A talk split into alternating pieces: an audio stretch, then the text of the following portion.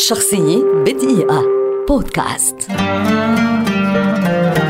غيوم ميوسو كاتب وروائي فرنسي شهير ولد عام 1974 ويعد واحدا من أبرز كتاب فرنسا وأحد أهم الروائيين في العالم في عصرنا الحالي إذ تحتل أعماله قائمة أعلى الكتب مبيعا في العالم.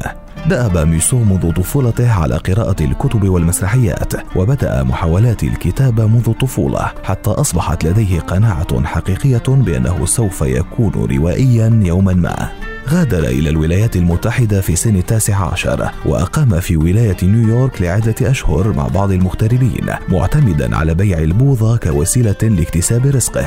ثم عاد إلى وطنه فرنسا وعقله مليء بأفكار عديدة يمكن أن تتحول إلى روايات وهذا ما حدث.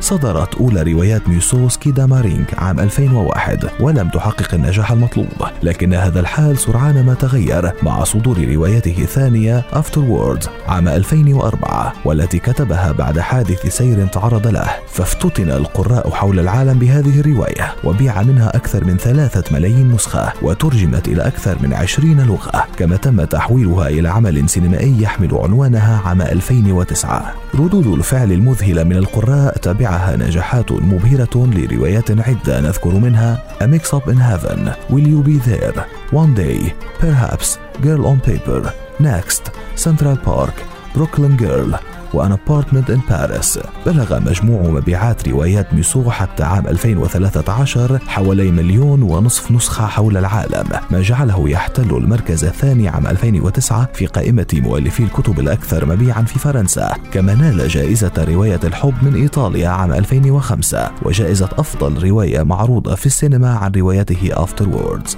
شخصية بدقيقة. بودكاست.